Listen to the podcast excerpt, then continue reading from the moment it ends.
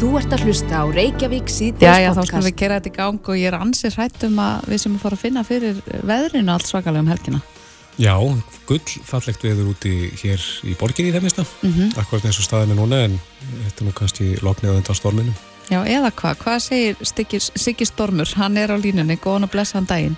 Já, komið og blessuð að sæla á þessum sólvika degi allavega hér, hérna minn á landinu. Er þetta loknið undan storminum? Mm, já, við getum sagt að þetta er uh, mjög svona öflug byrjun á vetri. Mm. Uh, ég, sem er framöndan? Sem er framöndan, sko. Mm. Það er að segja að, að nú eru læðirnar bara uh, farnar að fá fóður úr norðri og, og síðan hlýtlótt úr söðri sem mætist og, og, og úrverða mikið læti. -hmm. Og í grunninn er þetta þannig að, að, að sko, grunnstefið á sunnudag er það að, að vera heima eða, eða, eða, eða í, í góðu skjóli sko. við erum ekki, ekki á þvælingi Allstaðar á landinu? Já, veistu það að, að það voru nú að berast bara nýjustur spátnar eru bara, ég er, er að rýna í það bara núna rétt áður en að þeir hindu að, að sko við erum það fer, sko það sem gerist er það það er lagið að koma upp á landinu í fyrramálið og það verður bysna kvast á höfuborgarsvæðinu eld, eldsnæmi í fyrramálið, millir 6 og 8 eða eitthvað svo leiðis með, með regningu og, og töluverðu vindi mm -hmm. og það gengur síðan bara sína leiði við landi. Það er alltaf öðruvísi lægð heldur en eh, síðan mun þróast. Svo lægð heldur sem sagt síðan til austurs og, og yfir á austan, eða austu fyrir landeilega og þá fær hún liðsauka og það er lægð sem kemur úr söðri og uh, sendir henni bæði hlýtt og, og mjög blögt loft mm. eða rægt loft og uh, það er í saminningu, það er munið síðan saminast og, og það er í saminningu bú, eru, fá allt það sem það vilja til að búa til svona rutta, rutta veðurspá sem að, að, að eiginlega mun á yfir all landi þetta, þetta sko, við getum sagt að, að ballið byrji að sko svona, að segja svona tvö-þrjú leitið aðfara nótt sunnudagsins og þá er ég að tala um, þá er, er, er svona segla inn á inn á vestverðina og, og norðvestamætt landið mjög stífur, stíf norð, norðvestanátt mm -hmm. og uh, eftir því sem líður á síðan daginn þá fer að kvessa og það fer að kvessa hér á höfuborgarsvæðinu svona einhver tíman fyrir hádegi mm -hmm. á, á uh, annar staðar á landinu þetta fennu rólega af stað á Suðausturlandi En síðan eru spátnar heldur, heldur svartari núna fyrir Suðausturland, heldur þar voru í, í, fyrir ketslur í dag. E, þar eru við að sjá vindkviður yfir 55 metrar á sekundu í, í reiknum spám og það er endur fallundur á fjöllum þannig að það er kannski það er ekki, ekki eitthvað sem er, er, er, er kannski á sléttlendi og ekki byggð en, en, en, en í örfarsveitinni kemur mér ekki óvart að við færum að sjá svona sem að þegar líður á sunnudaginn mm -hmm. rauðar viðvaranir á því svæði þegar, þegar almannavarnir endur með þetta stöðuna en það sem er til viðbótar við að vind sko þessi vindur hann er svona á bílinu svona þessi tíu mínúta meðalvindræði sem að notaður er í, í veðusbám Hann er kannski þetta 20 til 28 metrar eh, svona álandinu, getur við sagt, eh, en síðan gerist það í ofanulega að, að það er svo mikil úrkomið þessu. Mm. og þegar að norðanáttur er komin og byrjuð að blása að þá ferður þetta allt yfir í stór hríð á, á, á Norðurlandi og Norðvesturlandi, jafnvel á Snæfellsnesi og það eh, veður verður þessi svona stór hríð, hún, hún gæti alveg orðið frá svona Húsavík í, í öst, á austanverðu Norðurlandi og síðan vestur með öllu Norðanverðu landinu, Akureyri og, og, og, og þá er ég kannski að tala um stór hríð á fjöllum því að hitin á lálendi verður kringu nullið. Mm -hmm svona, svona framan á degi. En, en hvað stendur þetta lengi sig? Þetta er veður sem að, að stendur alveg fram á háti, alveg sérstaklega austamertlandi sem að, að verður fyrir mikið til reikningu og ísingu mögulega á fjöllum og, og, og næri öruglega að, að það, er, það, það er ekki fyrir hátíða mánudag sem að vindur verður dóttinn þá niður. Fyrir austan þá? Já, fyrir austan. Þá erum við að tala um uh, norðaust, norðaustasta hluta landsins og austurland þar sem að úrkomum verður ekki endilega á lálendi í formi snævar, heldur í, formi rigningar en, en, en snjókoma til fjalla og, og þá er mikil ísingar hætta til dæmis fyrir aflínur og, og, og ég, ég svona hef, ég hef svolítið áhugjur af því ef, ef þetta er að að það er náttúrulega fyrst og reynst náttúrulega landsnett sem hefur sjálfsagt áhugjurnar en, en ég segi svona mm -hmm. að, að það gæti árið tröflanir á rafmagnum fyrst mér bara mjög líklegt þegar maður skoðar eh, eðli, eðli þessar læðar og eðli þeirra úrkomur sem mun falla þá, þá verður þetta svona en, höf, en, en, en ef við erum að hugsa þess hvernig lægir sko, þá vestalans það sem að megnið af, af Ísleitingum búa mm -hmm. þar segja á Suðvesturhóttninu þá tróast þetta svona það verður fast allan daginn en snjókoma næri ekki til höfuborgarinnar nema þá sem einhverja flyksur bara eða eitthvað svona lufsukjent en það lægir ekki af neinu gagni svona alvöru þá minna ég að, að fyrir svona e, ja, um kvöldmandaleitið á, á sunnudag. Já, en er komið tími stáð á landinu fyrir fólk að huga dettja stiftum, fara yfir á vetradæktin? Já, algjörlega, algjörlega og ég tala um þá sem að eiga erindi millir landsluta, þar er, þar er við, þar á ekki, ekki að býða eftir neinum dagsetningum öðrum en, en bara horfa á veðrið og, og, og, og sjá að við erum bara dottin inn í, í vetrafærða og og uh, það er eitt sem pyrrar mig alltaf svolítið og það er að menn er fælt að tala um sem trampolínveður er þetta trampolínveður eða eitthvað slikt sko mm -hmm. auðvitað á fólk að vera búið að ganga frá því að vera ekki að löfsast í því að nota björgunarsveitirnar eh, dýrmættan tíma þeirra til þess að elda þessi, þessa græjur hér um alla koppagrundir þetta á auðvitað fólk að ganga frá áður en eh, hlutinir verða það slæmir að að allt fer á vestavegu og skemmtir á bílum og mhm. skemmtir á húsum og rúðum og hvað þetta náttúrulega heitir. Það vegu náttúrulega bara að vera að halda okkur inni á sundaginn.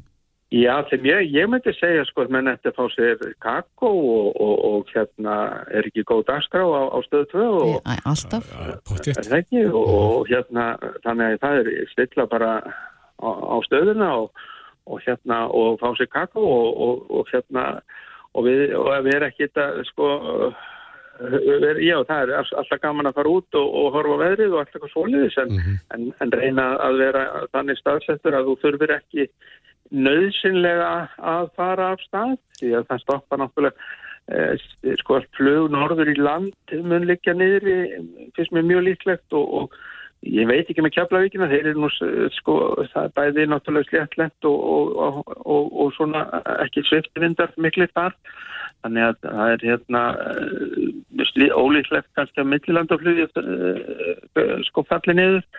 En, en, en innanlandsflugið með raskast alveg klárlega. Þannig að Og við náttúrulega hvetjum sikki fólk til þess að fylgjast vel með veðurspám. Þetta getur kannski tekið einhverju breytingum en þetta Já, er svona heldar myndi. Já, það er eiginlega það sem ég að klára mitt að segja. Sko, spánar eru ekki ennþá orðnar alveg eins sem, sem týðir alltaf það að þetta getur breyst og það breytist og það eru keirslur, við getum eiginlega sagt að séu keirslur fjórusnum og sólarhing og að þannig að fólk fylgist vel með hvernig þetta þróast og, og og það gerir það best með því að hlusta á ykkur og, og, og fjölmjöluna sko í þessu, þessu megin aðtröðu en þetta er bara hörku vetur og svo eru hins vegar mikið hlýjindi í, í, í sko framöndan sko aftur og svo komar aftur og, og sólskinn hér á þriðu dag og Þannig að veturinn er komin með svona sínum duttlungum. Já, hann ætlar allavega að, að, að stimpla sig hressilega inn með, með, með svona, svona tilturlega leðinlegur útgáfa af, af læg. Já.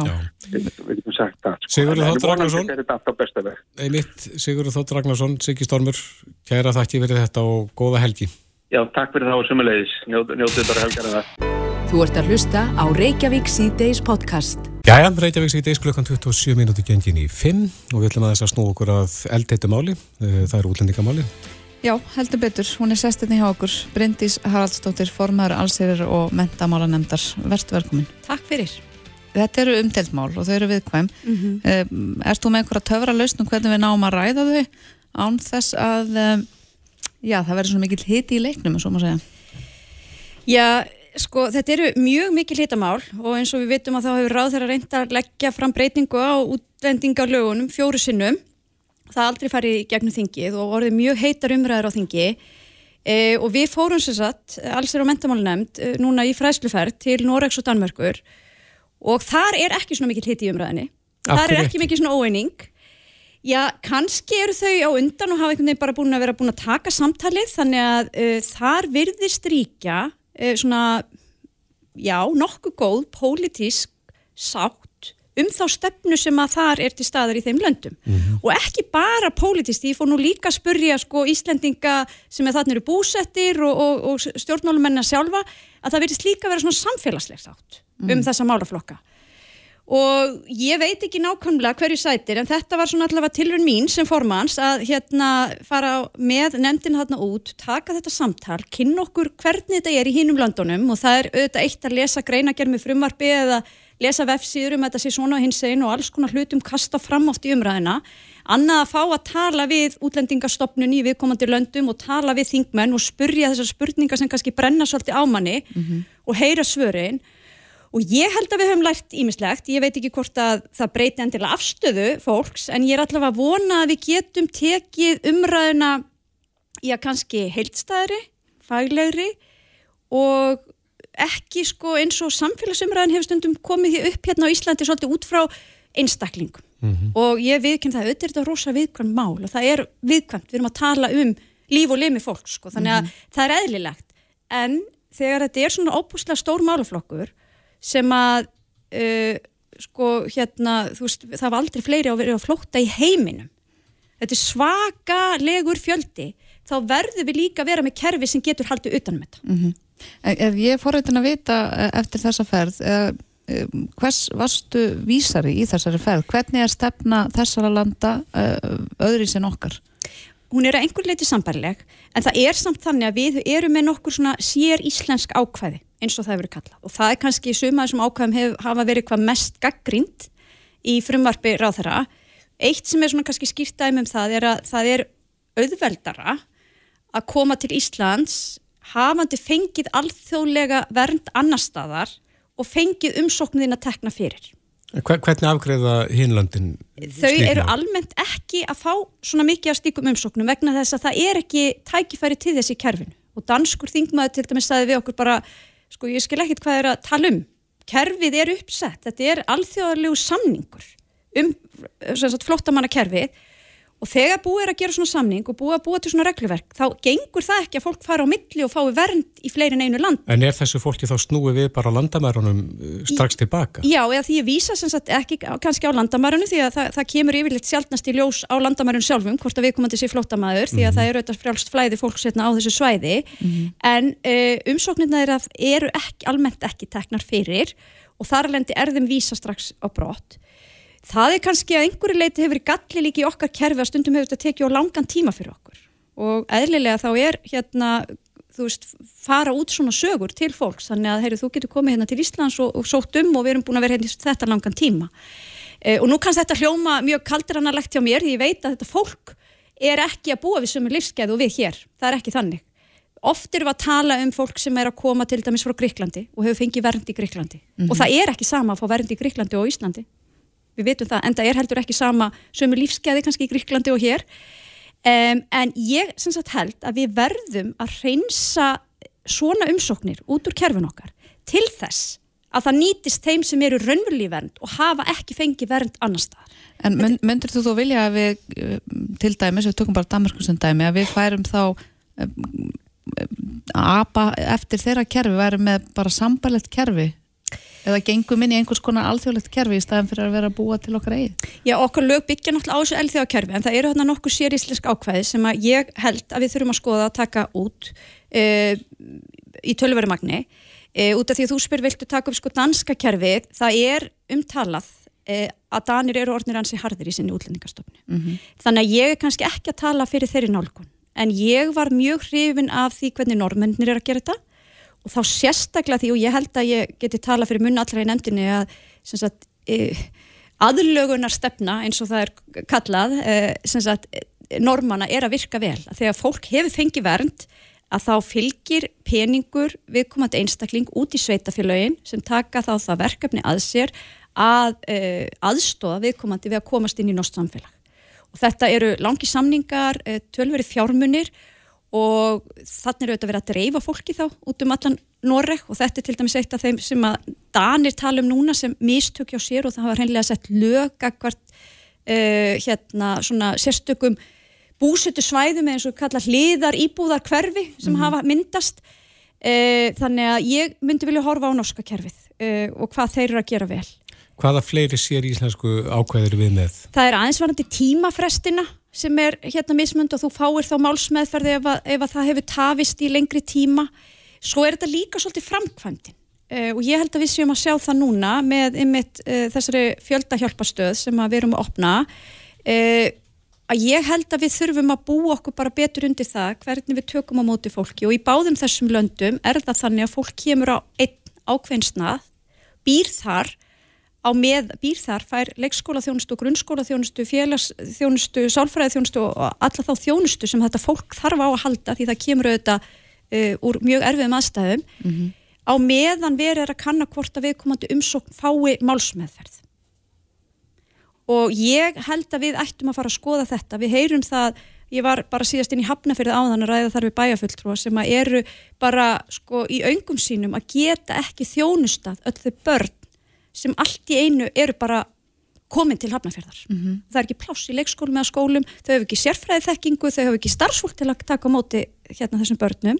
Þannig að þarna verðum við að stíga held í fastarinn og ég held að þarna getum við hort svolítið á Norðurlöndin. Eitt er að fyrst þegar fólk kemur að það sé í sér úræði með sér leikskóla og grunnskóla, hitt er þegar fólk hafi fengið vernd að þá séum við líka með einhver sér úræði í skólunum, mm -hmm. að það er ekki hægt að senda þessi börn bara beint inn í íslenskt grunnskólakerfi án einhver stuðnings. En það hefur einmitt verið gaggrind að sé ekki samskipti á milli ríkis og sveitafæla í þessum efnum, mm -hmm. þannig að hefur kannski verið ákveði stefnuleysi, reynilega. Ég ætla ekki kannski ekki að segja stefnuleysi og ég menna það eru, sko, það eru ákveðin sveitafélag sem hafa verið að gera þetta eh, sko vel hinga til, en bara nú er fjöldin orðið svo mikil að þau eru ekki lengur við þetta og ráþæri hefur kallað eftir því að fleiri svítafjölög stýði þarna inn og gerir samstarfsamning við ríkið um það uh, út af því að ég nú kom úr kjördamavíku þar sem þetta hefur verið mikið til umræðu og sveitafjölunum er bara mjög hrætt við að gera slíkan samning. Þau eru bara hrætt við að það endi eins og þau segja málefni fallar eitthvað annað að þetta sé bara kostnaði sem þau ráð ekki við. Mm -hmm. Þannig að ég, já, ég held við verðum að þess að endur skoða uh, þessi samskipti og leggja okkur ennþá frekar fram við það hvernig við gerum það. Líka vegna þess að ástandið er breytt þegar fjöldin er svona mikil mm -hmm. það er bara þannig Þú nefndir hérna á þennan hóp sem er búin að fá vend annar staðar mm -hmm. og kemur ykkar, hvað er þetta stór hópur svona heldar tölunni? Uh, sko þetta hefur farið allt upp í 50% þeirra sem sækja um alþjóðlega vernd ég held að það hafi verið árið 2019 en svona ég held að sé óhætt að segja að við lítum yfir næstu ára, síðustu ár, kannski 5 ára eitthvað, þetta sé svona bílnu 20-30% þeirra sem sækja um alþjóðlega vernd mm -hmm. Síðast þegar ég sá töluna um þá sem eru að koma, eða þá sem hafðu sótt um, ég held að það hefði nú bara verið í kringum mitt þetta ár, þá voru hátt í 2000 manns eh, komnir til Íslands, þannig búið að hækka eitthvað töluvert núna síðustu dögum, mm -hmm. þá var það helmingurinn frá Úkrænu. Þannig að hérna, eh, örgla er þetta hlutfall eitthvað læra núna þegar við erum líka að fá svona mikið á Úkrænu fólki hérna til okkar og þau auðvitað sko eru í kannski aðeins öðrum pakka, við erum búin að taka þá ákvörðun að, að þau fá í rauninni sjálf strax sko hér e, ákveð dvalarlefi mm -hmm. og ég held að það hefur verið mjög góð leið en við þurfum aftur á móta að huga þörfum þeirra og sérstaklega barnana sem ég hef mikið áhugjur af. Uh, Varandi þessa norsku aðlugunarstefnu mm -hmm. og að það fylgir talsveit fjármagn með uh, í þann málaflokk eða sérst í þá stefnu með hverju flottamanni Eh, gerir einhverja grein fyrir því hvað, hvað það myndi kosta hér, hvað er við að tala um mikið fjármagn sem myndi fara í slíka stefnu?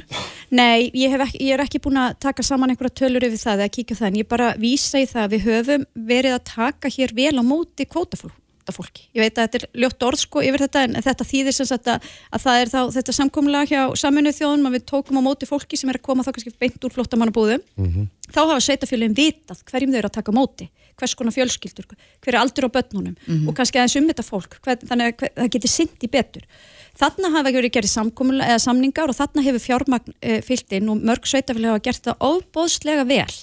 Og ég held að við höfum mjög góða sögu að segja þarna, ég er að sko velta fyrir mig hvort við getum ekki bara útvika þetta mótel og, og seti þess að þessi þjónusta sé veitt líka þeim sem að hér hafa þá fengið vernd í gegnum það kerfi okkar. Mm -hmm. Uh, þetta er í fjórgang, er það ekki sem að þetta er reynd að leggja þetta fram núna? Það er búið að reyna að leggja það fram fjórusunum. Ég held að við séum þá að fara í fymta skipti núna þegar það kemur fram á þinginu aftur. Já, hvernig heldur það að tækist í þetta sinn? Sko ég er bara á þeirri skoðun að við verðum að afgreða þetta mál og hérna nú er ég að lýsa sko afstöðu minni, hún er uh, breytileg í nefndinni og ég held að við verðum að finna leiðir til að komast að einhverju pólitísku samstöðum um þetta mál, að ná fram einhverjum breytingum, því að á endanum eru við öll sammála að það þurfi eitthvað að breyta og aðlaga eitthvað. Þannig að ég ætla að leiða mér að vera bjart sín og ég er tilbúin að taka stáfið það verkefni að fá frumvarfið frá ráðara eins og við vorum að fjallum það í fyrra uh, og vinna það hratt og vel og reyna að ná einhvers konar samstöðu. Það getur vel verið að við þurfum að taka einhverja breytingar líka í skrefum Ég held að uh, aðstæðu núna bara kalli á það, nú verði þingið að standi lappirnar og afgreða þetta mál og ég átta mig á því að ég fæ kannski ekki allt fram það sem ég vil og einhverju aðra hafa einhverju aðra sko en við verðum að finna leiðir til að ná fram einhverju málamilun. Við mm -hmm. bara við þurfum að gera þetta betur, við sjáum bara þessi vetur verður, já ég segi okkur erfur en það er náttúrulega algjör vittlisa því að hún er erfið út í Úkræðinu fyrst og fremst og við viljum taka vel á móti því fólki Þannig að við þurfum bara að finna betra fyrirkomulega um það hvernig við gerum þetta og, og að mínu viti, eins og ég segi líka, reynst aðeins út aðra rumsóknir um fólk sem er kannski komið vernd annar staðar. En þá vil ég líka nefna það að okkur á Íslandi sko vantar fólk. Og fólk segir alltaf betur, hvað, hvað er máli? Okkur vantar fólk, okkur vantar vinnandi hendur. E, og ég held að við þurfum að finna leiðir til að breyta líka sko því að við getum veitt hér dvalalefi og atvinnulefi fólki utan EES-svæðisins. Í dag er það rosalega takmarkað. Mm -hmm. Það verður mhm. talað um þessi sérfræðingarleifi og við erum alltaf að reyna að líka eitthvað til með það. Annars er mjög erfitt fyrir fólk sem er ekki ríkisborgar í EES-landana að ætla sér bara að flytja til Íslands til að bara lifa og taka þátt í okkar samfélagi. Mm -hmm. Og þar held ég líka, það sé kannski stóra breytingi sem myndi líka létta aðeins á verndarkerfinu. Þannig að fólki sem er að leita sér að betra líf og veit bara kominga hafi aðra leiðir til að koma og taka þátt í okkar samfélagi heldurna sækja um í verndarkerfið sem er svo mikilvægt að við höldum utanum fyrir þetta fólk sem er í óbúslega mikill í neyð og þarf svo sannarlega á alþjóðleiri vernd að halda. Já. Einmitt að, eh, Bryndís Haraldsdóttir formar allsýrir og mentam álanendar, takk hjálpa fyrir spjallið og góða helgi. Sumulegis og takk fyrir að vita þessu aðtikli. Þetta er Reykjavík C-Days podcast. Já, við heldum áfram hér Reykjavík C-Days, nú er klukkan gengin 8 mínútur í 6 mm -hmm. og við ætlum aðeins að ræða um eh, frambóð til fórsetta ASI. Það er komið nýtt frambóð. Já, við vorum hérna í gerð með Ragnar Þór Ingólfsson, forman var færr, sem var í gær sá eini sem hafði búið sér fram í þetta ennbætti mm -hmm. en nú hefur bæstið annar eh, hann hefur fengið mótframbúð sem að reynda að kalla eftir í gerð Já, reyndar. Eh, Ólaf Helga Adolfsdóttir, reytar stjórnar eflingar hún svarði kallinu, hún uh, tilkynnt í dag. Hún ætlar að bjóða sér fram til fórsetta ASI og hún er sestin í okkur, velkomin Ólaf Helga. Takk fyrir. Uh, Ég vil langar bara að byrja að spyrja hvenar ákastu að taka þetta stök? Um það er nú ekki langt síðan þetta hefur verið svona fólk hefur aðeins verið að nefna þetta við mig og, og ég var að svona já, ég velti þess að bara fyrir mig lengi og svo í rauninni tók ég þess ákveðum bara já, sendi gæri í rauninni mm -hmm. og ákveðuninni fylgdi fréttatilkynning og þú varst náttúrulega ekki að skafa af því í henni, í henni. Nei, engin ástæð til þess Segðu okkur aðeins af hverju, hvað, hvað er það við þetta frambóð þitt sem að sem, af hverju vilt þú bjóða þig fram gegnunum Ragnar Þór? Já. Er það til þess að koma í veg fyrir það að hann verði fósetti eða, eða til þau hafa eitthvað fram að færa? Já, sjálfsög til ég mig eh, hafa eitthvað fram að færa, annars mm -hmm. væri ég ekki að þessu. Um, þetta er í rauninni, mér finnst mjög mikilvægt að þingvöldrónir hafi val mm -hmm að þingið hafi val og við hérna höfum þá fórseta sem að þingvillurotni völdu en svo bara finnst mér eh, að Alþjóðsamband Íslands vera bara með því dýrmætasa sem við launafólk eigum mm -hmm. og ég bara get ekki samþygt að setja það bara áttur laustirinn í hendunar á um, fólki sem að hefur í rauninni ekki trúverðuleika til þess að leiða verkli sefinguna. Af hverju hefur það ekki trúverðuleika að þínum að þið? Já, mér finnst það bara að hafa byrst svolítið vel í hópuppsögnunum hjá eblingu uh, þegar uh, Solveigana, formaður eblingar, sagði upp öllu starfsfólki skrifstofunar og talaði bara mjög illa um skrifstofu fólk, bara ofinbarlega og þá Ragnar formaður Vaffer uh, átti þarna félagsmenn sem voru hluti á þessum hópjöpsögnum uh, og þar fyrir utan þá er hann formaður í félagi sem á mjög margt skrifstofu fólk og hann bara þagði af hverju þagðan og af hverju fordæmdan ekki þessar hópjöpsögnir í nafni skipilagsbreytinga, jú einfallega því að hann setur sitt valda bandalag með Solvögunu og Vilhjálmi í fyrsta sæti mm. og þar til ég hann bara hafa mist allan trúverðuleika og í rauninni ekki eiga að fá að vera í eitthvað svona leiðandi sæti í verkefli seifingunni. Um, þannig að það sem þú ert í rauninni að segja að þetta bandalag, eða valda bandalag eins og þú kallar það, að það er orðið í rauninni mikilvægari heldur en verkefliðsbáratan sjálf. Já, ég get ekki séð öðru sem það þegar, hún, þegar hann sem formaður vaffer getur ekki staðið upp og varið sína félagsmenn og í rauninni sína, sín hagsmennu hóp. Mhm. Mm En nú hefur við, almenningur, fylst með þessum deilum innan eflingar og alþjóðsambandsins, svona í gegnum fjölmila og kannski margir átt þessi í rauninni ekki á því af hverju fólk getur ekki bara unnið saman. Já, það er kannski alveg eðlilegt að sé ykkur átökunan reyfingarnar, fólki er ósamála en kannski ekki mik mikil ástæð til þess að vera alltaf að fara með uh, ágrinningsefni fyrst í fjölmila um, en hérna það er eðlilegt að við séum ósamala þess vegna er við í þessu, við höfum okkar hugssjónir Þannig heldur að þetta verið hörð bara átt á milli, milli þín og Ragnars? Um, þá bara eftir að koma í ljós. En hérna ég náttúrulega stefni á sigur og, og, og, og vona hérna að þingfylgur og sjáu að, að okkur er já, betur hólpið í, í höndum eitthvað sem að sem að sér ástæða til að standa með félagsfólki ekki, ekki sjálfum sér og sínu, sínu valda eltingarleika eitthvað neinn. Mm. Hvernig er þið aðeins í undir þinni stjórn? Um, það er þið náttúrulega bara, ég, ég vil vinna svolítið áfram bara að því sem hefur verið gert. Ég vil vinna að því að epla sérfræðið þekkingu inn á skrifstofu ASI, bara sérstaklega til þess að mæta þessum áróðri sem að launafólk gera, að, sem að dýnir á launafólk núna, sem að bara að við eigum einhvern veginn að taka alla ábyrð á stöðu efnagasmál í landinu. Það náttúrulega er ekki hægt. Við erum bara við höfum ekki efna á því að lifa uh, á heilan mánuð á þeim launum sem að sérstaklega lagsleinaða fólki er. En ég sem fórsett að sín náttúrulega uh, verði ég kosin mun bara fylgja stefnu uh, sem að þinga að sí setur En þarf þetta ekki að hafa þetta valdabandalegin svo kallar það með þér? Þetta eru náttúrulega stór félag með marga félagsmenn Ég þarf að sjálfsögja að vinna með þeim, jú, að sjálfsögja og þegar við erum sammála þá erum við sammála en við þurfum ekki alltaf að vera sammála, þess vegna höfum við fundi og, og þing og, og svo framvegs. En, en, en fórsetið ASI er náttúrulega ekki skoðanalaus, ég menna þú lítur að hafa einhver áhrif á, á stefnu, stefnu ASI þó þú fylgir ákvörðunum stjórnar.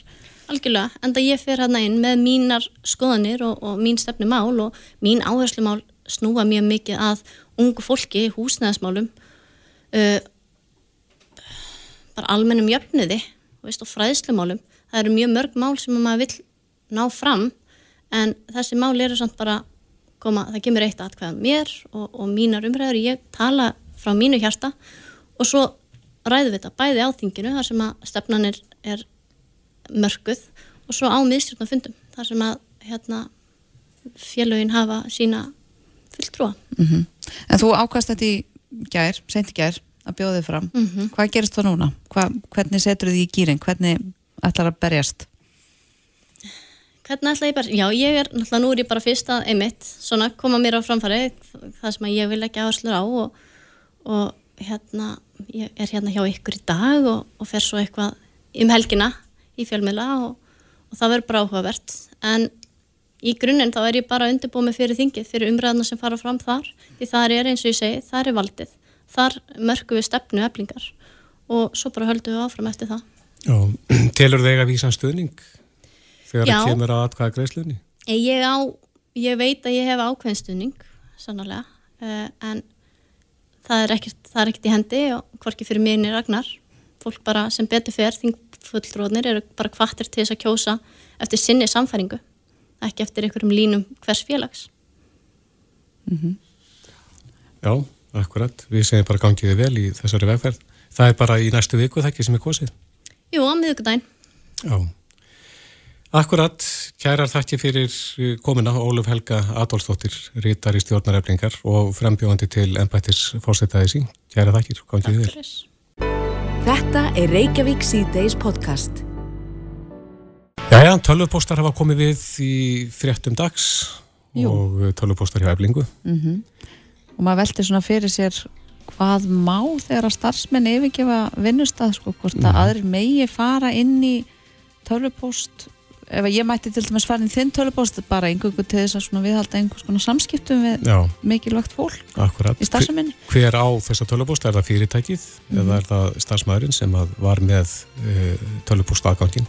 Já, á línunni er Helga Sirjur Þórastóttir sviðstjóri eftirlit hjá Personavend Góðan og blessaðan daginn Helga Sæl um, Já, það er stóra spurningin hvernig á maður að haga sér í svona efnum? Mega starfsmenn fara inn í tölvupost hjá öðrum starfsmennum sem hugsanlega hafa hætt störfum? Það eru nokkur aðrið sem þarf alltaf að huga þegar starfsmæður hættir í tengsluðu posthólf og það fyrsta sem maður skoðar er kannski það að það þarf leipina starfsmannum sem er að hætta um að hann má fara yfir posthólfið sitt og til dæmis eh, taka til hliðar enga tölvupost sem tengist það ekki starfseminni. Mm -hmm og slíkum posti má hann almennt eigða eða afrita. Ef hann hefur gert þetta og fengið tækifæði til þess, þá má kannski segja að vinnuveitandi hafi rýmri heimildi til þess að nýta það sem eftir stendur í póstólunni því að það eftir þá bara að vera vinnugagn. Já, þá má vinnuveitandin sagt, tengja sig við póstin og skoðan? Já, svona öðrum skilurum uppfylgum. Það þarf að vera í samræmi við persónulegina öðru leiti það þarf til dæmis almennt að vera eitthvað nöðsinn til staðar og tilgangurinn þarf að vera málefnilegur. Mm, þannig að það má ekki bara sí svona yfirtaka póstólfið og, og geima það? Nei, maður myndi kannski ekki einmitt setjast bara og lesa sko, en það þarf að vera, ef þetta er eitthvað sem tengist þar seminni, þá, þá geta verið raug til þess að, að það sé heimilt. Og það er ekkert sem að segir í lögunum að það þurfi að eigða eh, tölupóstum innan einhvers tíma eftir að stafsmaður lætur á störfum? Það getur nú kannski farið svolítið eftir hvernig aðstæður eru. Við vitum til dæmis uh, þegar við erum með ofinbæra stofnunir eða aðila sem þurfa að skila skilum til þjóðskilasaps þá getur verið að það sé ekki heimilt að eigða hverju sem er. Já, já. Þannig að það getur bara fyrst að meta. En stundum er uh, stafsmönnum uh, vísað út bara strax að vinnustafnum og, og fá ekki aðgengi að, að sínum uh, posti. Já, Má vinnuveitandi fara í postin engungu ef að viðkomandi stafsmær hefur fengið að fara í gegnum hann og, og síja út svona sinn persónulega post? Já, það getur náttúrulega verið alls konar þarna og vinnuveitandin hefur svona ákveðnar heimildi til þess að skoða post og jáfnvel þó stafsmann sé ekki hættur en það þarf alltaf að fara í gegnum sko, er það heimilt, er eitthvað ástæði til þess það þarf bara að skoða í hverju tilviki fyrir sig en mm. almennt er það þannig ef það átil dæmis að fara og skoða póstól fyrir einhverjum sem er í starfi, hann er kannski guðnaður um eitthvað misjátt uh, eh, að þá þarf að að það bara skoða í raun og veru sko hvernig aðstæðar eru mm. og er eitthvað heimildistæðar og yfirleitt þarf að veitastafsmannum færa á að vera viðstættur en það er svona meginrækla mm -hmm. hann á rétt á að vera viðstættur og ef hann getur það ekki þá hann yfirleitt uh, að fá tækifæri til að eitthvað í sinn stað um, Hvert leita vinnuveitundur ef þeir eru í vafa? Geta þeir leita til persónuvendar eða þá bara uh, lögfræðings? Já, hvort tökja er einu veri persónuvend getur svarað svona almennum fyrirspurnum ég haf vel veitt áliti í einhverjum tilveikum og svo er alltaf eftir að leita til að manna líka. Mm -hmm. þannig, að það, þannig að það er vantarlega algjörlega óheimilt fyrir vinnuveitandi að vera með einhvers konar vöktun á, á tölvupósti starfsmanna sinna. Ég, hún er bara að hafa það á hvernig skilum það þarf alltaf að skoða bara mm -hmm. hverju tilviki. Já, svona mats, matsatriði. Já. Já, e, þá er þetta aðeins stýrar og vantarlega einhverju sem hafa fengið svör við sínum spurningum eða svona vangaveltum um þetta mál Helga Sigrið Þorvaldsdóttir, sviðstjóri eftirlits hjá Personavend, kæra þakki fyrir spjallu og góða helgi. Góða helgi. Reykjavík síðdeis á Bilginni podcast. Jæja, hugum að þessa helsunni. Já, ég held að það sé algjörlega nöðslegt saman hvað aldrei maður er mm -hmm. og það er svo margt hægt að gera þessu huga helsunni. Já, Og kannski sko hægt að líti fleiri hotn heldur en þessi bara hefðbundu. Já, heldur betur. Svona ímislegt hægt að gera til þess að, að huga af heilsunni sinni. Mm Og í hörpu um helgina er einmitt, já það er nú köllu veistla, Mhm. svona heilsu og, Heilsuveisla. heilsuveisla og umhverfisveisla. Já. Og við erum komið hér með framkvæmdastjóra þessari veislu, það er Guðburg Gísuradóttir, velkomin. Takk fyrir. Þú talar um veislu sjálf, þú vilt helst ekki kalla þetta eitthvað annað. Af, Mm. Akkur er veisla? Já, því mér finnst þetta reyni, uh, ég er reyni að skapa einhverju svona bara veistlu hlaðborð fyrir fólk að koma og upplifa og læra um heilsu, heilsuna og, og um umhverfismálin. Og ef maður tala um ráðstefnu þá er það svolítið svona formfast og ef það er síning þá hef, fær fólk eitthvað ákveði í huga. Þannig ég er kannski að reyna að búið til svolítið nýtt konsept sem er þessi blanda af uh, örnámskeiðum, fyrirlesturum og við erum með 50 sínendur og að fólk getur ennu kannski komið bara heila helgi, ráfað út af fyrirlesturum og farið á síningu, farið átt að klippa sig, prófa að mjólka, smakka og alls konar. Prófa að mjólka Já, einmitt, ég heldur um bæðast aldra aðeins að mér. Já, það er hérna mjölkubúið, það er hérna uh, eitt sínandi hjá okkur sem að actually kemur með belju á staðin, hún er reyndar ekki lifandi en hún er í fullri stærð og, og, og það er búið útbúðana þannig að fólk getur actually prófað að mjólka, hvernig þetta var að mjólka í, í gamla daga. Og kemur mjólk úr spennanum. Það kemur, já, svona hvítt vatn, skulum við segja.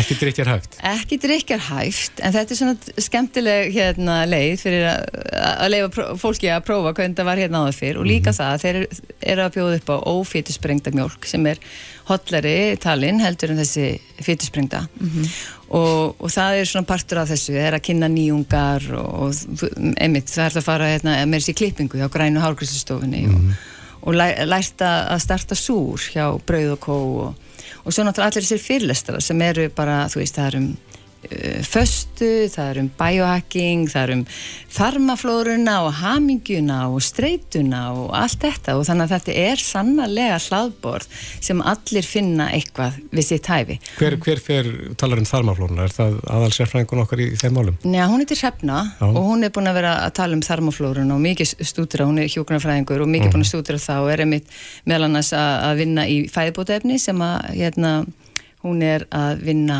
úr brotti. Sem er svolítið áhugavert sko. Maður hefur nú heyrt að hamingjan felist í heilbriðri þarm á flóru. Já, Já. hún stjórni hans í miklu. Já, nákvæmlega og ég er mjög mikil, mikil áhuga mannskjum þarmaflóruna. En þú nefndir hérna biohacking. Já, Þorbjörg uh, verður með, uh, hún er að gefa út bóka mitt um, um hvernig við getum lifað uh, betur og, og lengur með alls konar að, aðferðum og hún er búin að vera að stúdir þetta í þessari bók þannig að hún ætlar að fara svona kafa hans ofan í það hvað við getum gert. Og það er líka annað sem að ég svolítið er að leggja, á, á þessari, leggja áherslu á, á fyrirlistara veislunni er að við stöldrum hans við og skoðum hvar viljum við vera eftir 30 ár, cirka bót. Ef ég er hann áttræð, hvað vil, vil ég geta gert? Hversu, hversu heilbrið vil ég vera. Og ef við vitum það þá líka getum við átt okkur á því að við þurfum að gera eitthvað og mögulega breyta eitthvað í dag til þess að vera þar sem við viljum vera. Mm. og þarna er fullt af hugmyndum góðum hugmyndum sem fólk getur tekið með sér út í lífið. Og ég til dæmis í, í hérna við gerðum þetta bara fyrirlistaraversluna fyrir tveimur árum þegar við ætlum reyndar að gera viðbyrðin og COVID skall á. En ég tók fullt úr þeim, þeim hérna, viðbyrði sjálf enda líka er ég að gera þetta því ég er svo sjúklað mikið áhuga. Að hérna ég enda, enda fór einmitt í, í fimm daga föstu sem að ég ætla einmitt að fjalla um núna á fyrirlesturinn þar að segja hvað föstur geta gert gríðilega mikið fyrir okkur. Og þetta er, þetta er svona hluti sem að er rauninni bara í bóði náttúrunar sem er reyndar fyrirtæki mitt heitir. En hérna, þú veist þetta kostar ekki neitt við getum gert þetta á einfaldan og góðan hátt en auðvitað með leiðsögn og við þurfum að auðvitað vita hvað við erum að gera. En það finnst mér svolítið mikilvægt það er að uppræða fólk hvað við getum gert sjálf og, og gert til þess að fyrirbyggja. Já. Þannig að þú eru ekki endurist að vera að taka en lif. alls ekki, ég er bara ef ég mögulega get komist hjá því sjálf þá hérna ger ég það En hvað gera föstur? Bara eh, því að þú prófaðar það sjálf? Já, ég sko, föstur eru kannski maður segja bara svona í mjög eh, stutt og einföldu máli, þá gefa líkamanum tíma til þess að bara að uh, reynsa til í öllu kerfinu. Mm gefur, okkur, gefur líkamanum kvilt og hann fyrir að reynsa út, hann fyrir að brenna ekki sigur eins og við gerum vanilega því við erum alltaf að háma í okkur mat sko og eftir, eftir bara hérna sólarhing þá fyrir hann að vinna í því að brenna fytu og reyndar byrjar að brenna rusli sem við, við, hann byrjar að henda út þegar við förum að föstu. Þetta er fyrirbæri sem er mjög áhugavert og ég mun fara betur í það. Ég, ég, venum samt að fá að spyrja og tala um fimm daga föstu, borðaðu ekkert í fimm daga? Já, ég reyndar hérna í þessu tilviki þá reyndar tók ég djús, svona djús fyrstu tvo dagana en þegar ég er í svona föstu, ég ge- gerum ekki oft en þegar ég hérna, hef gert það þá hef ég, þá fyrir ég alltaf á kafi að, að fræða mig um málið af því það verður svona heldur mér gangandi að, hérna, í föstunni. En þá dætt ég nýra á vassföstu þannig í fyrsta skipti var ég að prófa vassföstu sem að mér finnst er unna alveg magna fyrirbæri. Drekkur það bara vatn? Þetta er ekki bara vatn, ég má reynda að drekka kaffi það er enga, enga kaloríur í því. En, Hvernig ert á fymta degi? um, Ég, ég ætla nú frekar að spyrja, hvernig ertu á fyrsta degi? Þetta verður nefnilega, þetta verður eiginlega auðveldara eftir því sem að líður á, þar að segja sko hvað var, svengdina var þar og ég var á fymtadegi þá bara, ok, þetta er búið, ég langar ekki í neitt, ég er ekkert sveng og þú veist, en Já. ég var áskuleus mm. og það gerist líka mjög oft að því líka minn, það er rosalega mikil vinna í gangi í líka minn. Þarfst þú þá ekki að byrja hægt aftur? Jú, svo þarf maður að byrja mjög hægt aftur en það sem er líkillin í þessu og ég áttaði mig, greinlega, áttaði mig þarna í þetta skipti uh, að ég hef búin að sleppa öllum sigri og sleppa öllu kveiti og það, allt þetta býr til svo mikið heldur blóðsigrunum okkur svo ga- gangandi að ég hef búin að taka þetta út viku áður og ekki að því ég ætlaði að fara að föstu bara því að einmitt að ég var búin að vera veist, lærði einmitt um þarmaflóruna hérna á þessum fyrirlestri og, og hérna hugsaði bara ég ætla að reynsa aðeins losa líka mann aðeins við þetta. En það gerði það að verkum að ég fór strax í fytubrenslu og þegar maður strax þegar maður líka með fyrir að brenna fytunni þá minkar þessi svengt og fytan er rosalega góður orkugjafi fyrir líkamann. En af því að ég var hann bara fimm daga og ég las mi- mikið til um þetta af hverju er ég svona slöpp? Ég er búin að heyra sumi fara bara eitthvað bliss og eitthvað. En það er bara því að ég var ekki kannski nógu lengi. Ég náði mér ekki svona upp úr, upp úr dældinni þar sem að maður missi svona kraftin og orkuna og, og kannski upp aftur. Hvað, á, hvað ætti maður að fasta oft segjum bara yfir Sko, það er, mánuðin það er náttúrulega rosalega mismunandi og það eru margar leiður, ég mun aðeins fara í það. En það sem að hérna, ég gerir núna eftir þessa fimm daga föstu er að ég fasta einu sinni í viku það er að ég tek mánudaga sem föstudaga og drekk þá bara vatn eða kaffi uh, í heilan sólring. Þannig að ég sagt borða kvöldmatt svona klukkan átta og svo bara vakna ég og ég borða bara drekk og svo borða ég aftur kvöldmatt klukkan átta. Og þetta er búin að gera núna í rúmt ár og ég veit bara Semst eitt ár í viku. Já, og ég veit bara þetta er að, að gera mig gott, að ég veit hvað gerist í líkamannum og ég finn ekki eitthvað. Ég, málega það að ég hérna ég get aldrei komið eitthvað svona sjúkrasögur hérna í útvarpinu að því að ég hef bara búin að vera of lengi í einhvern veginn forvörnum eða frá tvítu þegar ég lendi í vandræðum sjálf og síðan er ég búin að vera að hugsa um sem mál og ég er búin að vera að gera og prófa og, og það er svo mikil forvörn í því að, að vita hvernig maður getur brugðist á heilbrjóðan náttúrulega hátt En, en þá verður við að fá að vita hvað gerðist eila þegar þú varst að um tvítugt. Já, þegar maður ódöðlugur og maður getur bara að borða hvað sem er og ekkert að pæla í heilsunni svo sem. Og ég fór til Spánar og fekk þessa skemmtilu matareitrun. Kem heim og ég er náttúrulega maður líka bara á gólunni í nokkra daga og, og hefði klárað þetta. En í framhaldinu þá var ég fekk ég bara svona, um, svona ristilkrampa sem að komi bara reglulega. Og það var bara þetta mjög óþægilegt ástand og ég losnaði ekki við það. Og ég vil meina að ég sem krakki var mikið pensilinbann að þarna bara raskaðist þarmaflóran þú veist það mikið að hún átti sér einhvern veginn ekki uppdráttar. Og þá á þeim tíma, það er 30 ár síðan þá vissi maður ekkert um acidofílus og trefjar og allt þetta, ég vissi ekki neitt. Og maður einhvern veginn bara svona fekk matareiturinn og svo hjælt maður áfram að maður geti bara borðað eins og ekkert væri en það er svo mikilvægt að þegar maður lendir í ykkur svona að maður bara sem ég meðveitar um það hvernig maður þarf að byggja flórun aftur. Og ég lærði það í rauninni bara þarna um tvítugt sko, rúmlega tvítugt að lækna mig með trefjum, með matræðinu og það kveikt einhvern veginn á þessum áhuga mínum um heilsuna. Og hvernig maður getur emitt lækna sig svona á náttúrulega náttúrulega hátt. Já. Já, þessi uh, sýning eða rástefna, eða veisla, Já. hún er hafin áslökan þrjú í dag Já. og stendur yfir helgin og þarna er greinlegt að læra margt. Já, og mér langar einmitt að koma því að framfæri að því að sömur hafa sagt um mig, æ, ég kemst ekki.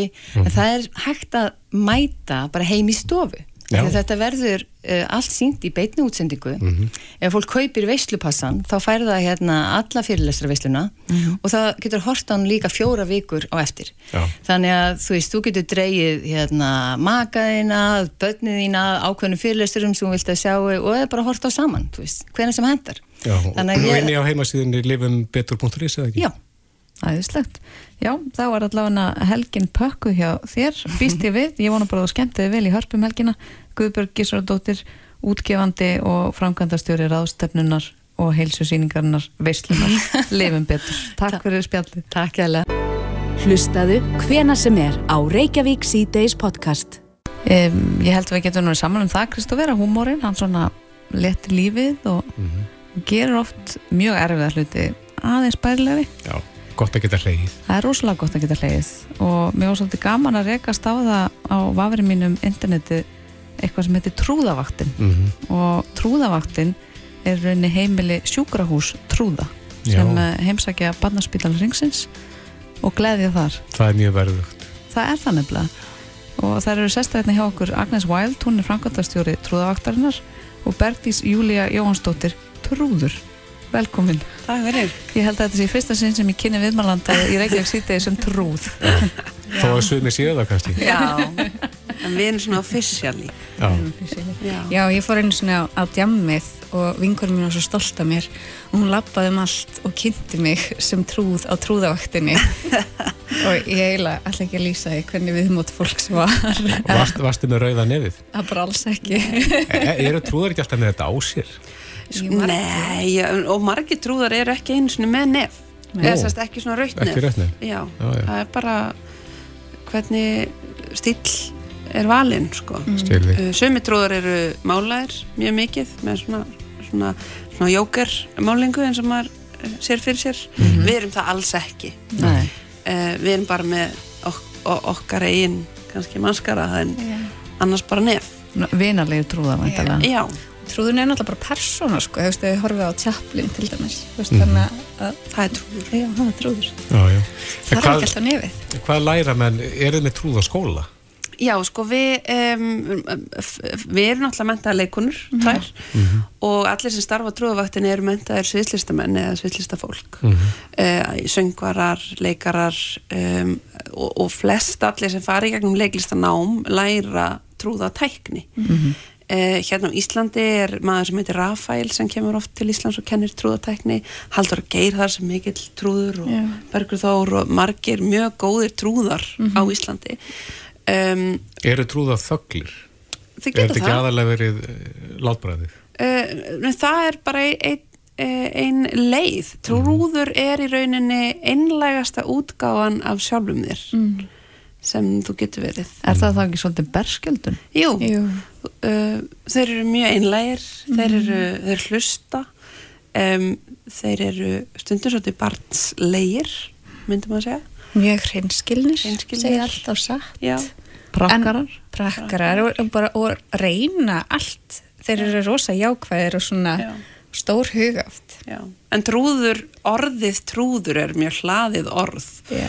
og í gegnum söguna eru trúðar búin að fá á sig mjög ljóta mynd stundum Í hryllingsmynd? í rillingsmyndum og, og, og svona ræðilegir ammælistrúðar með risastóra skó og, og, og Það eru margir mjög hrættir við trúða. já, Já. en það þarf þess ekki að því margir hverjir eru bara mjög eins og þetta sagði, þetta eru bara personur og þetta er í rauninni svona smá eins og ég segi, innlega útgáfa af sjálfum okkur svolítið. Og eins og upp á spítala þá er þetta meira sko, við erum bara litskrúðugar personur. Já. Það er allt öðru vísi trúðar þar, það er ekki mikið læti í okkur endilega, suma vaktir eru bara alveg þögglar og við erum bara að leika okkur með sápukúlur og erum bara svolítið í einhverjum þögglum samskiptum við krakkana. Við lendið kannski að það eru einhver börn sem að tala ekki íslensku.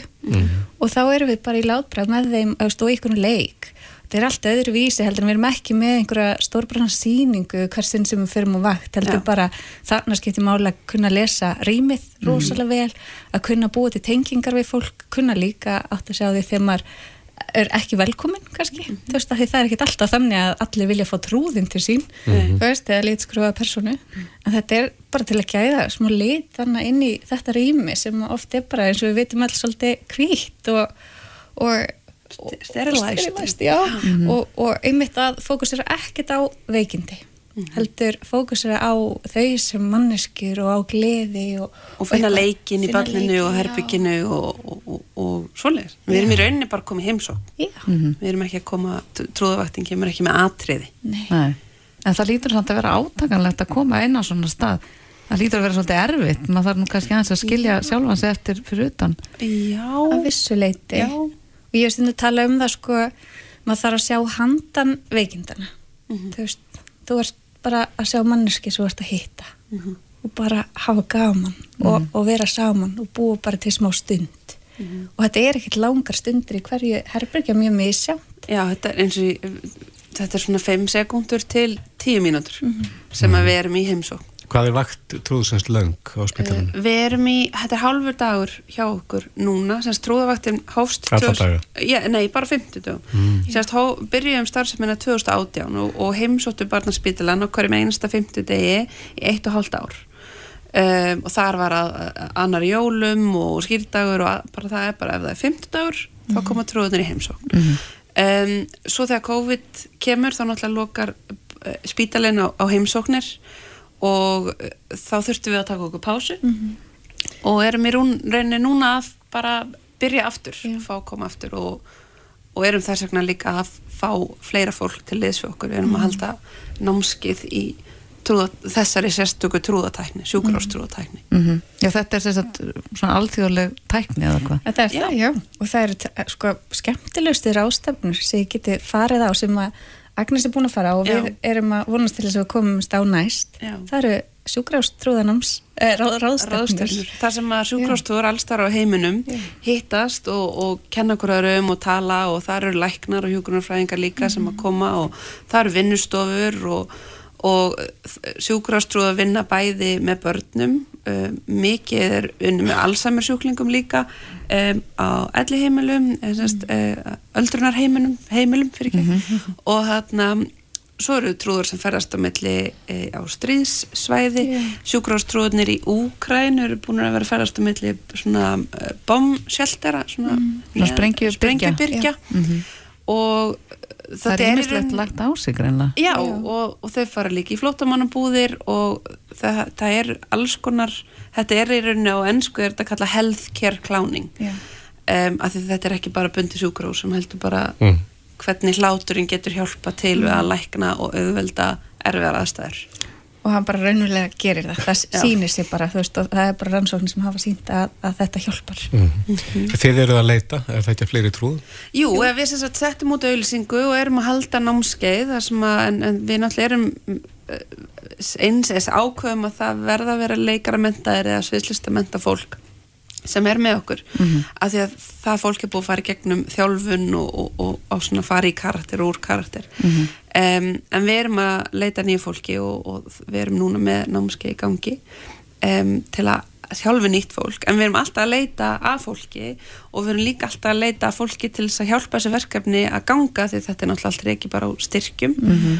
og uh, erum núna með styrk frá barnamenningasjóði höfum hlaupið í marathónu, það Já. er fólk sem að e, styrt okkur en það er alltaf má, það kostar svona 2 miljónir að reyka þetta Mhm. batteri á ári Hlöpuð í trúðabúningum? Já, við gerðum það við gerðum með nefin og þetta var skemmtilegasta hlaup sem að ég hef Já. einhvern tímann farið í og, og sko þannig hætti ég bara sem manneski líka að mæla árangurinn minn í tíma Aha. og fór að að mæla í gleði Það er mjög góð mælikvæði. Já. En ég velti fyrir mig bara svona rétt í lokin hvort að trúðavaktin þurfi ekki að fara víðar, ekki bara á barnaspítal hringsins. Jú, og það var það sem við vorum byrjað að stefna að þegar mm. áðurna COVID kom.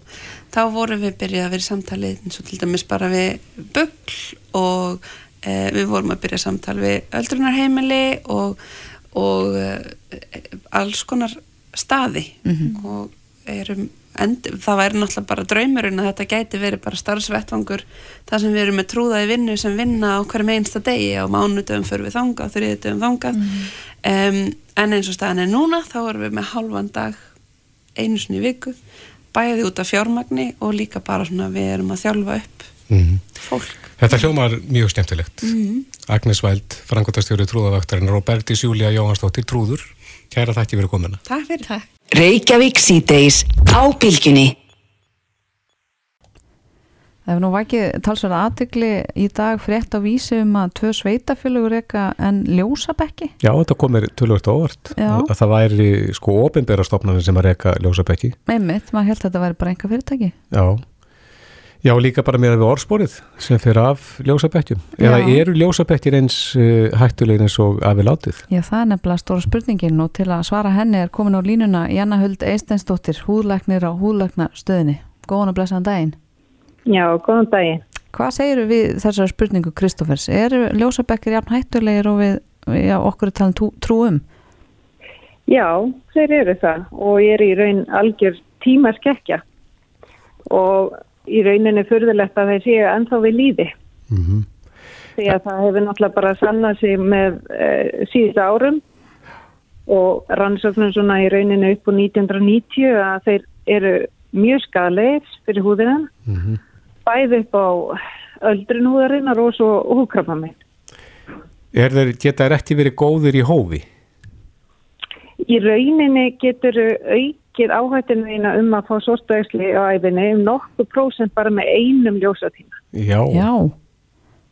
Þetta er svolítið sláandi upplýsingar. Þannig að ég sem fór í kringu fermingu í ljós og nokkra tíma get ég tekið það út síðar á, á æfinni. Já, því miður þá ertu þá með sterkan áhættu þátt. Já. Ef þú hefur verið að fara í ljós, sérstaklega undir 18 ára, Já. af því að það er e, sterkur áhættu þáttur að, að ef að börn brenna, bæða sólinu og ljósabekkjum, það er eitthvað veganesti sem þú tekur einmitt með þér og, og, og, hérna, og er sterkur áhættu þáttur fyrir sóstöðaksli. Þannig að turbotímandi sem ég fór í er, voru þá algjör vitleysa. Já, að, mínum að já. Já. En, en hvernig er það, Janna Huld, svona í gegnum tíðina, segjum bara, tökum bara frá fermingaraldur Kristófers, uh, látum það líka til hluta hverju mörg ár síðan, hann fór í þessa turbotíma, uh, hefur ekki verið neinn þróun í ljósabekkjum og þeir reynd að gera þá kannski aðeins heilsusamlegri, ef svo má segja. Skað minni. Já, Já, ef þú verður brún að þá er í rauninni frumurnar, húfrumurnar að reyna að verja kjarnasinn, DNA-ið, með því að mynda, sem sagt, húfruna mynda þátt að litarefni sem er, er kvöldu melani. Og þess vegna verður við brún í húðinni. Þannig að í rauninni brún húð, sköður húð. Þannig að í rauninni allt sem að eigur melaninni í húðinni er skadalegt. En er sólin ekki, ekki góð að einhverju leitu og upp að vissu marki? Við þurfum 15 til svona 15 til 30 mínútur fyrir andlit, bringu og kannski handleggi á hverjum degi Mm þess að fá D-vitamin, þann D-vitaminskamt sem við þurfum með daginn. Allt sem er umfram það er í rauninni farið að skafa þig. En var ekki hérna í gamla daga fólk í ráðlagt að fara í ljós? Ég man að það fólk var að fá legða betti til sinn heim og svona andlitsperur. Já, það var náttúrulega hér í gamla dag voru þessi háfællaljós sem voru náttúrulega alveg skelvilega því það voru bara aðgislar og náttúrulega skad brendu fólk og það var svona ætla til þess að eh, hressa upp á börn og, og, og fólk. Eh, en síðan þá hefur við náttúrulega bara læst svo mikið. Mhm, og komið svo stóra rannsóknir sem sína fram að skadlega áhrif bæði A-geislana og B-geislana sem að, uh, við finnum í sólinni. Uh, ljósabekkir yfirleitt, þeir eru svolítið búin að reynsa B-geislana í burstu mhm. og, og eru með reyna þá A-geisla og þeir fara dýbra inn í húðina og í rauninni ef þú brennir ljósum þá ertu komið miklu dýbri bruna heldur en á sólinni. En, en þá velti ég fyrir mér akkur er hreinlega ekki bara búið að banna ljósabekki. Ég svo samanlega, Finnst þér að eigi að gera það? já. Mm En svo heyrir maður líka fólki sem að fer til sólalanda og, og makar á sig sko ekki sólavörn heldur sólarolju til þess að ná enn meiri róða eða brungu. Já, og það er í rauninni náttúrulega, maður vonar að fólk sé búið að læra meira og farið að hægða sér að allt er gott í hófi Mhm. og, og uh, þessi hægðin er náttúrulega afar skadleg fyrir, fyrir húðina Mhm. og í rauninni húfröðuna ná aldrei að reynsa sig að núlstilla sín á milli skilji. Þetta sapnast þessi DNA skaði þeir bara sapna saman í frumunni og svo kannski náum við sem aldrei og þá fer, fer þetta að poppa upp þessi skadar. E- Er, er hættulegra fyrir ungt fólk að fara í ljós heldur en fólk sem er orðið aðeins eldra? Kannski komið yeah. meðanaldur Í rauninni er sterkur áhættu þetta fyrir sórstæðisli setna lýsileginni að hafa í rauninni brent sér sem barn, Já, barn eða úlingur. Já, þannig að það eru margir í þeim áættu hópi vantarlega. Í því miður eh, þá er það það og við sáum það með tíðni sóstæðslíðan á Íslandi að þegar að ljósabekkinni voru sem vinsalestir að þá uh, jógst tíðni sóstæðsli sérstaklega hjá íslensku konum Mhm. og, og það bara var alveg bara mjög línileg aukning á þessu báðum í einu. Svo komu reglurnar og meiri fræðsla, komu reglur um að þú yrðir að vera 18 ára og svo framvegis. Og þá sáum við bara tíðni sortaðisla droppa hérna á Íslandi. Hvað var það lengi að skila sér? Það er að þessi sólbekja nótkun og, og síðan tíðni sortu ægsla eða Það var bara nokkuð samfelt, sko, eða svona, svona samhliða. og svo að hafa vinsaldi ljósabekki aukist mikið bara síðustu kannski fimm árin finnið þið fyrir og því? Við erum, að, við erum að sjá aðeins aukningu aftur og sortaðisli núna því miður. Mm. Línan er aftur farin að stefna upp mm sem var á leiðinni niður. einmitt. En þú vilt banna bekkina á Íslandi? Mér finnst þetta algjör tímaskekkja. Við vitum bara það mikið núna. Við vitum það mikið um skali áhrif þess að, að maður er eiginlega, þetta er uh, svona kannski svipa með reykingar og síkratur. Mm Akkur það eru ennþá til sölu. Einmitt. Jæna Huld Eisneistóttir, húðlagnir, við skulum uh, vona það að fólk allavega hlusti. Já, við vonum það. Já, kæra þakki fyrir spjallið og góða helgi. Já, sömulegis, góða helgi. Bless, bless. Bless. Og þar með eru við að segli mark. Heldur betur á helgin framöndan Ekkert eftir nema hverja. Við minnum að það að við tölun allir eru komin inn á vísi.is mm og hægt að hlusta í gegnum bylgju appið. Einmitt, en við mætum að sjá sig galvösku mánudaginn klukkan fjúr Já, Lilja, Katrín, Bræði og Kristoffer þakka fyrir sig. Já, og við vonum að þið njótið helgarinnar Reykjavík síðdeis á Bilginni podcast.